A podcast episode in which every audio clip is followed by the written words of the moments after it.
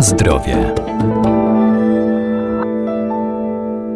Jedzenie w odpowiednich ilościach i proporcjach oraz codzienna aktywność fizyczna to podstawa dla zachowania zdrowia. Najlepiej sięgać po produkty naturalne, nieprzemysłowe i wysoko przetworzone, a także ograniczać spożywanie soli czy cukru. Warto do diety włączyć też m.in. jogurty, zwłaszcza te naturalne i probiotyczne.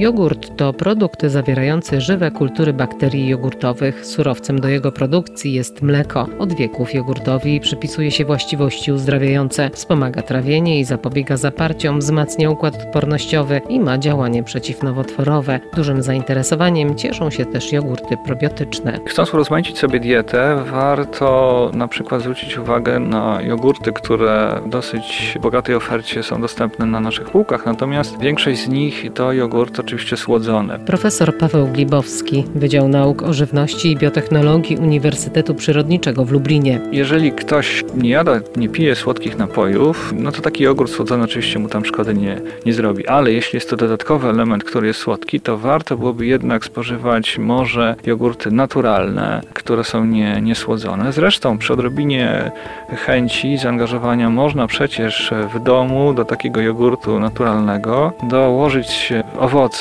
i to można zrobić przecież cały rok, dlatego że mamy dostępne mrożonki i wcale nie trzeba nie wiadomo jakiej ilości owoców dodać, żeby ten jogurt naprawdę fajnie smakował, a jednocześnie możemy uniknąć dodatku cukrów. Szczególnie warto zwrócić uwagę na skład jogurtów. Obecnie około połowa produktów tego typu na rynku zawiera bakterie probiotyczne. To są bakterie, które korzystnie działają na zdrowie człowieka, wpływają na jego układ odpornościowy, na poziom cholesterolu we krwi. I również są na rynku jogurty bez cukru, bez dodatków, również zawierające takie bakterie probiotyczne. Zwykle jest tak, że te jogurty mają te dodatkowe informacje o właśnie dodatkowych bakteriach. Jogurt jest to produkt mleczny, który powstaje w wyniku fermentacji z udziałem konkretnych szczepów bakterii, tzw. Tak bakterii jogurtowych. I takie jogurty mogą dodatkowo zawierać właśnie takie bakterie, już może mniej jogurtowe, ale właśnie takie prozdrowotne, które nie przeszkadzają w funkcjonowaniu tych bakterii jogurtowych, a mogą wspierać nasze zdrowie zdrowie mówimy w tym momencie praktycznie o produktach tak zwanych funkcjonalnych, czyli mamy wartość dodaną, oprócz wartości odżywczej potencjalnie jeszcze może wspierać pracę układu krążenia czy pracę układu pokarmowego. Na zdrowie.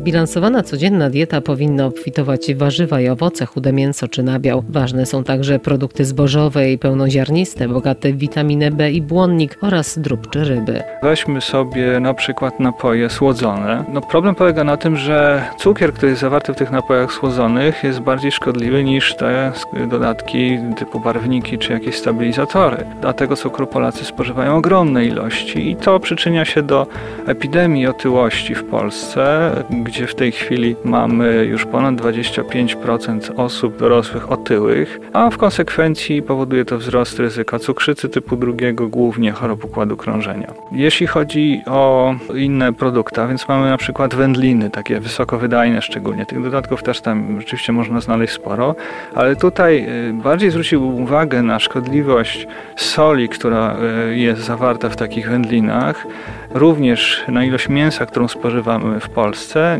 niż na poszczególne te dodatki. Bo na przykład Instytut Żywności Żywienia w Warszawie zaleca, żeby nie spożywać więcej jak pół kilograma mięsa i wędlin tygodniowo. Przynajmniej w Polsce w tej chwili spożywa się półtora kilograma to w długim okresie będzie niestety zwiększało ryzyko chorób, rozwinięcie ryzyko chorób układu krążenia, ale również niektórych nowotworów, dlatego że badania pokazują, że zwiększone spożycie mięsa, zwłaszcza czerwonego, jest związane ze zwiększonym ryzykiem występowania nowotworów okrężnicy choćby. A więc na to zwrócił uwagę. Soli w Polsce spożywa się też bardzo dużo. Maksymalna ilość, którą powinniśmy spożywać to jest 6 gramów. W Polsce przeciętna kobieta spożywa 9, przeciętny mężczyzna 12 gramów soli dziennie, a w konsekwencji mamy na przykład 10 milionów osób z nadciśnieniem, przy czym 90% z nich na własne życzenie, właśnie ze względu na błędy żywieniowe.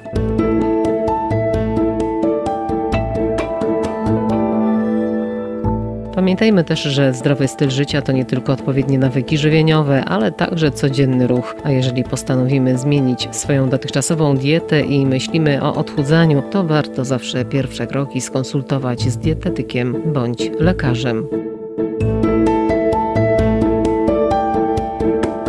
Na zdrowie.